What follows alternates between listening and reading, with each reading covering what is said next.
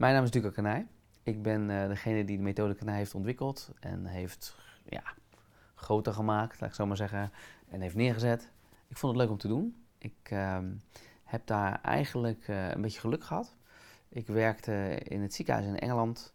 Uh, ik deed neurologie en ik dacht, oké, ik zie allemaal buitenkantjes en ik zie deelaspecten van gezondheid en ongezondheid en van leed. En de oorzakelijkheid ligt vast echt heel ergens anders. Uh, dat ligt dieper, daar moet be beter naar gekeken worden.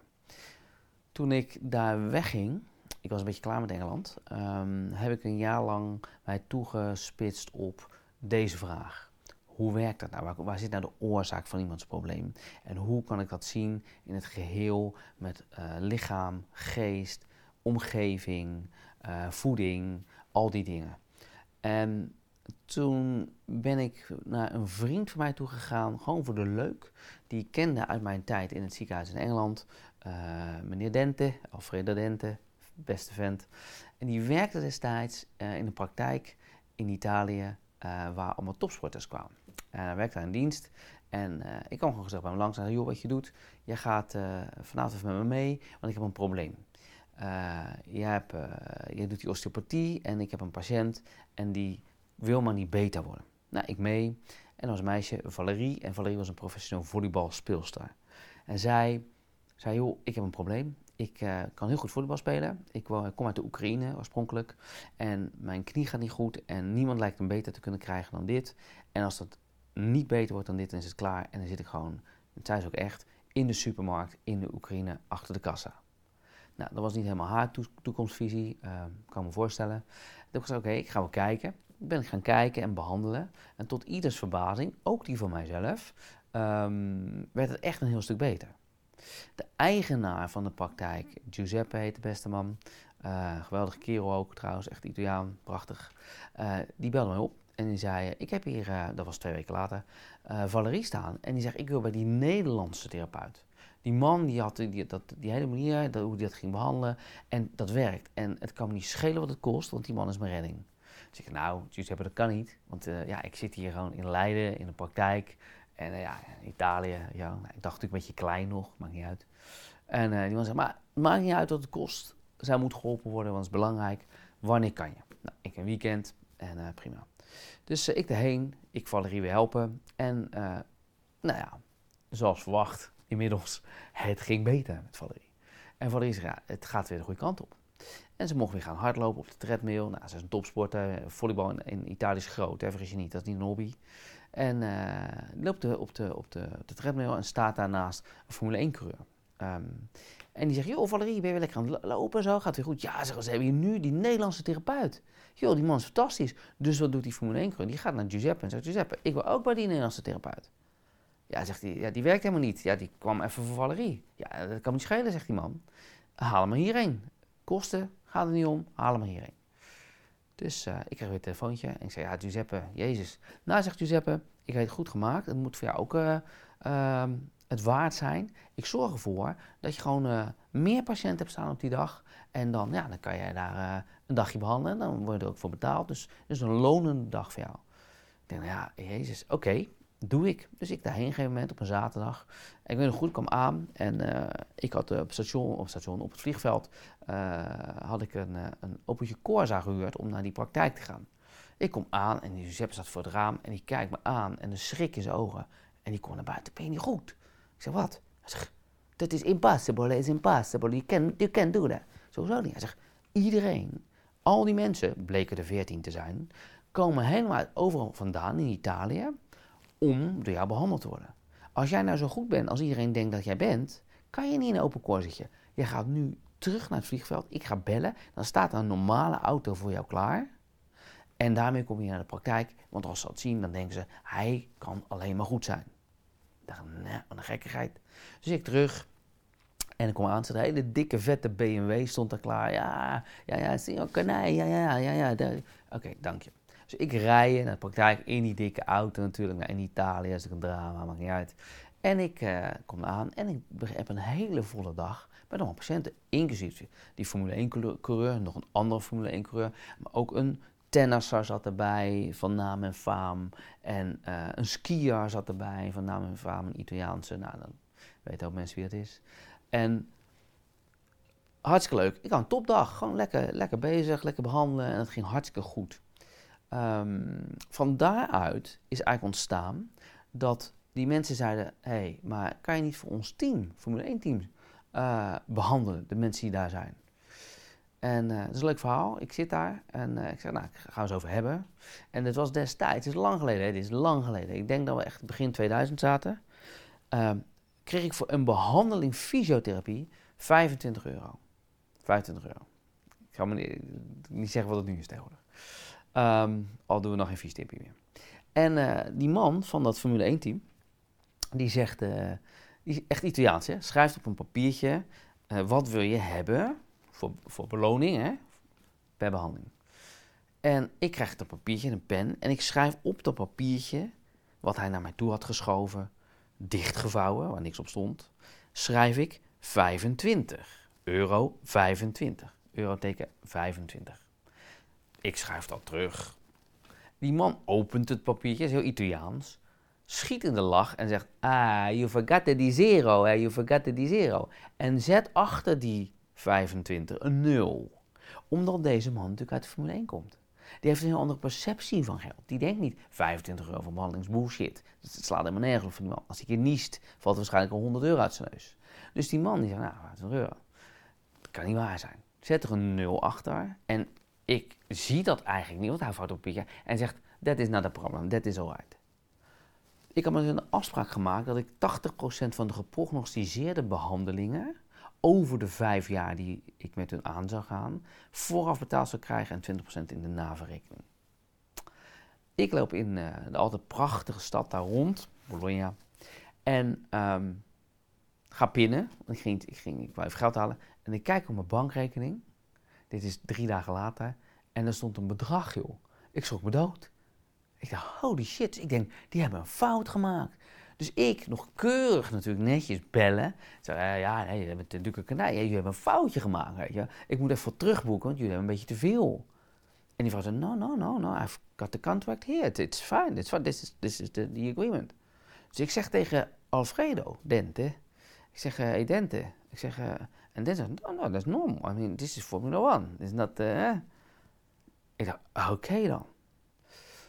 Kort verhaal lang te maken. Uh, verschillende teams hebben zich daarna aangemeld, coureurs, uh, hebben behandeld, is goed gegaan, heel goed gegaan. Uh, voetballers kwamen erbij. op een gegeven moment zaten pff, door eigenlijk half Italië, waar, we ik voetballers behandelde. maar er kwam zoveel vraag, dan moest ik mezelf gaan klonen, ben ik gaan doen. Ben ik mensen gaan opleiden in dat hele model wat ik een beetje in mijn hoofd had. En het Formule 1 team zei goed, dacht ik maar eens luisteren vent, dat is een mooi verhaal. Uh, maar je, leuk hè, dat je zo efficiënt bent, maar je kost ook een hoop geld. Kun je nou eens niet eens even gewoon op papier zetten voor ons, wat nou jouw meerwaarde is? Wat doe jij nou anders dan die andere therapeuten? En dan gaan we dat testen. Ik zeg, hoe bedoel je? Hij zegt, nou, heel simpel. We doen een test, vijf testrondes met, de, met een, met een testcoureur. Uh, dan ga jij jouw interventie doen. Want uh, als ik goed begrijp, kan je met één interventie het lichaam daadwerkelijk ook veranderen. Dus ik zei, ja, dat kan ik. Dan moest ik zeggen, ik moet zeggen nee. want dan zegt die man, maar geef het geld dan? Dus ik zeg, ja, dat kan ik. Oké. Hij zegt, en dan vijf rondjes, jij doet je behandeling, we doen weer vijf ronden en kijken of de tijdwinst is. Dan heb je hem daadwerkelijk optimaler gemaakt, want dat claimde ik, dat ik mensen optimaler kon maken. Hij zegt, en dan is het allemaal waard. Is dat niet het geval, dan gaan we nog even goed nadenken of het wel allemaal het waard is. Ik dacht, oké, eh, lekker is dat. Nou, ik naar mijn hotel en toen dacht ik, ja, wat moet ik nou doen? Ik moet uitvinden waar mijn unique selling point ligt. Wat doe ik anders dan de rest? Dan ben ik alles gaan uitschrijven, tot op detailniveau. Alles gaan uitschrijven. Wat doe ik nou eigenlijk? En welke systemen spreek ik dan aan? En waarom doe ik het niet anders? En ook gewoon denken, oké, uh, maar wat doet dat in de psyche? Wat doet dat in het lichaam, binnenkant? Wat doet dat aan de buitenkant lichaam, hè? armen, benen, werfklom? Uh, wat heeft een omgeving daarmee te maken? Hoe iemand leeft, iemand vandaan komt, wat zijn opvoeding is, hoe die denkt, zijn cultuur. Uh, en vooral wat eet hij, wat drinkt hij, wat eet hij niet? Gebruikt hij suppletie of doet hij dat niet? Of eet hij alleen maar gezonde dingen? Dat heb ik, allemaal, ik heb zitten schrijven, schrijven, schrijven, schrijven, schrijven, schrijven. Dan ben ik gaan kijken en ik had in dat jaar dat ik uit Engeland was gekomen, soort van, en even niks te doen had, heb ik mij bezig gehouden met een, een opleiding in Londen. Dat heette een Bijbelstudie. Dat was geen Bijbelstudie, echt Bijbel, maar de Bijbel werd eigenlijk afgezet ten opzichte van allerlei andere uh, filosofie en religie. Nou, ik ben uh, zelf rooms-katholiek opgevoed, maar ik doe helemaal niets met mijn geloof. Dat is niet omdat ik vervelend wil doen, maar dat doe ik gewoon niet. Dat is, dat, dat is, daar, weet je, daar ben ik een beetje vanaf gegaan. Dus, maar oké, ik dacht interessant, verveel me dood, ik doe die opleiding. Doe dat zo. En dacht, dat is interessant. Als ik dat nou eens meeneem in hoe ik kijk naar wat ik doe. En zijn er nou bepaalde natuurwetten en principes die daarop toepasbaar zijn? Dan kom ik erachter dat iedere keer dezelfde natuurwetten en dezelfde natuurprincipes terugkwamen in de dingen die ik deed. En in iedere zeg maar, therapievorm die ik ooit geleerd had, of studie die ik ooit had gedaan, fysio, medicijn, osteo, de hele shit, acupunctuur, noem maar op, kwam ik dezelfde dingen tegen. Die waren allemaal onderhevig aan dezelfde natuurwetten. Dan heb je wel een redelijke waarheid te pakken. Toen dacht ik, nou, dat is de kern. En dat doe ik. En alle andere therapeuten, die zitten daar dan denk ik toch verder vandaan van die kern. Toen besloten om te zeggen, oké, dat is wie ik ben. Wat doe ik nou eigenlijk? Ik kreeg voor mezelf voor het eerst eigenlijk echt helemaal inzichtelijk wat ik nou zat te doen iedere dag. En toen zei ik tegen opnieuw Alfredo, ik zei, Alfredo, kijk man, ik heb, uh, heb dat gedaan en dat, heb ik gekeken. En dan zie ik, als ik het in deze context plaats van de traditionele Chinese uh, medicijnen, dan is dat hetzelfde als dat ik dat vanuit het osteopathisch perspectief bekijk of het fysiotherapeutisch perspectief. Dat is hetzelfde principe. En dat heb ik voor al die dingen. En toen heb ik daar de handelingen aan gekoppeld. En toen dacht ik, ja, maar ik heb gewoon een soort mijn eigen therapie uitgevonden. En Alfredo is gewoon lachen en zegt, ja man, you just invented the, uh, the therapy. Ik zei, ja, uh, grappig, leuk. Uh, dus ik de dag daarna uh, naar de opdrachtgever toe en het Formule 1-team. En gezegd, nou luister, daar gaan we dan, we zijn er klaar voor. Hè? Want ik had die afspraak toen staan. ik had hun aangegeven, nou dit is wat ik uiteindelijk doe.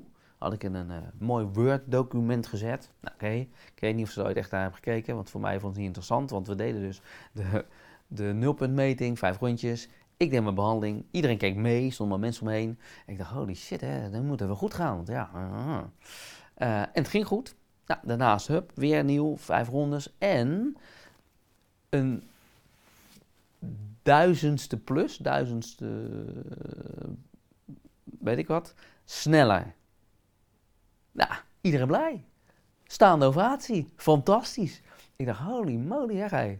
Uh, geweldig. Ah, dat is natuurlijk helemaal koekenij en fantastico, fantastico. En ik dacht, oké, uh, ik heb mijn eigen methode uitgevonden, joh. En Fred zei, ja, daar moet je wat mee doen, hè. Dan moet je... Toen dacht ik, in eerste instantie, wat ik nu eigenlijk heb uitgevonden, is datgene wat ik nodig heb. Ik moest mezelf gaan klonen, want ik had heel veel vraag. Toen heb ik dat dus genomen als de kern en de basis om mensen op te leiden volgens mijn eigen methode eigenlijk. En zo is eigenlijk methode kanij ontstaan. Um, nou, ik heb die mensen opgeleid, die zijn geplaatst bij bepaalde voetbalclubs en noem maar, op. En oké, prachtig. Uh, we zijn nu in 2022. Dit vond plaats voor mij in 2004. Nou, ik weet niet, ben ik dan 18, ben ik dan 18 jaar verder, geloof ik. Ja. En 18, in die 18 jaar is natuurlijk van alles gebeurd. We zitten bij clubs uh, in heel Europa. We zitten zelfs in het altijd prachtige Amerika bij een Amerikaanse voetbalteam. Um, daar doe ik niet allemaal zelf meer. Dat, dat doe ik eigenlijk niet meer. Dat heb ik al gedaan. In het begin, begin zat ik alleen met het vliegtuig. En ik overheen en behandelen, behandelen, behandelen. Dat was allemaal prachtig. Uh, ik heb alle Grand Prix al honderd keer gezien. Ik heb ze dus ook wel gezien, zeg maar. En dat is ook is allemaal heel mooi. Ik wil geen fans tegen de scheen schoppen, maar het is allemaal heel leuk. En ik heb er echt van genoten. Het was echt, ik, heb, ik heb me tien jaar lang echt helemaal de apenlaars gewerkt. Zes en een halve dag in de week, of zeven dagen in de week. Overheen behandelen, behandelen, behandelen. En nu staat dat eigenlijk op zo'n manier dat therapeuten die door mij opgeleid zijn, daar conform mijn methode die mensen behandelen op het hoogste niveau. Aan blessures of eventueel aan het optimaliseren van hun gezondheid en daarmee hun prestatie. Um, ik wil het graag naar de, de, zeg maar de gewone burger brengen. Uh, want ik vind dat ook de gewone burger, en dat is niet denigrerend bedoeld, um, hiervan moet kunnen profiteren dat dit bestaat en dat dit kan. En dat mijn gelukkie ook hun geluk kan zijn. En daarmee uh, zijn we begonnen in Duitsland. Uh, ook in Nederland, in Leiderdorp. Ik leid ook daar therapeuten op. daar kunnen mensen naartoe voor de opleiding, maar ook om behandeld te worden. Ehm, ik doe vaak het initiële onderzoek in Leidendorp. en daarna ga je vaak naar een van mijn therapeuten toe. En in Duitsland zijn we gelinkt aan de grootste keten fysiotherapie in Duitsland. Waarschijnlijk in Europa overigens. En zitten we, die zit met, ik geloof, 136 vestigingen door heel Duitsland verspreid. En daar heb ik ook uh, uh, 100 plus therapeuten al reeds opgeleid om die methode van mij naar de mensen te brengen. Uh, ik vind het fantastisch, ik vind het eer, ik ben echt heel gelukkig mee. Ik ben ook heel blij met uh, deze Duitse partner en dat we zo mooi samen kunnen werken en dit kunnen neerzetten voor alle mensen in Duitsland. En ik wil in de toekomst met Michael Pilatschek met name ook in Nederland eigenlijk gaan uitleggen wat die methode nou inhoudt, zodat ook in Nederland mensen daar gebruik van kunnen maken. Dat is eigenlijk mijn doel, mijn missie, uh, ervoor zorgen dat deze vorm van therapie voor iedereen beschikbaar wordt. En als me dat lukt, dan uh, prijs ook ik me een erg gelukkig mens. Dankjewel voor die tijd.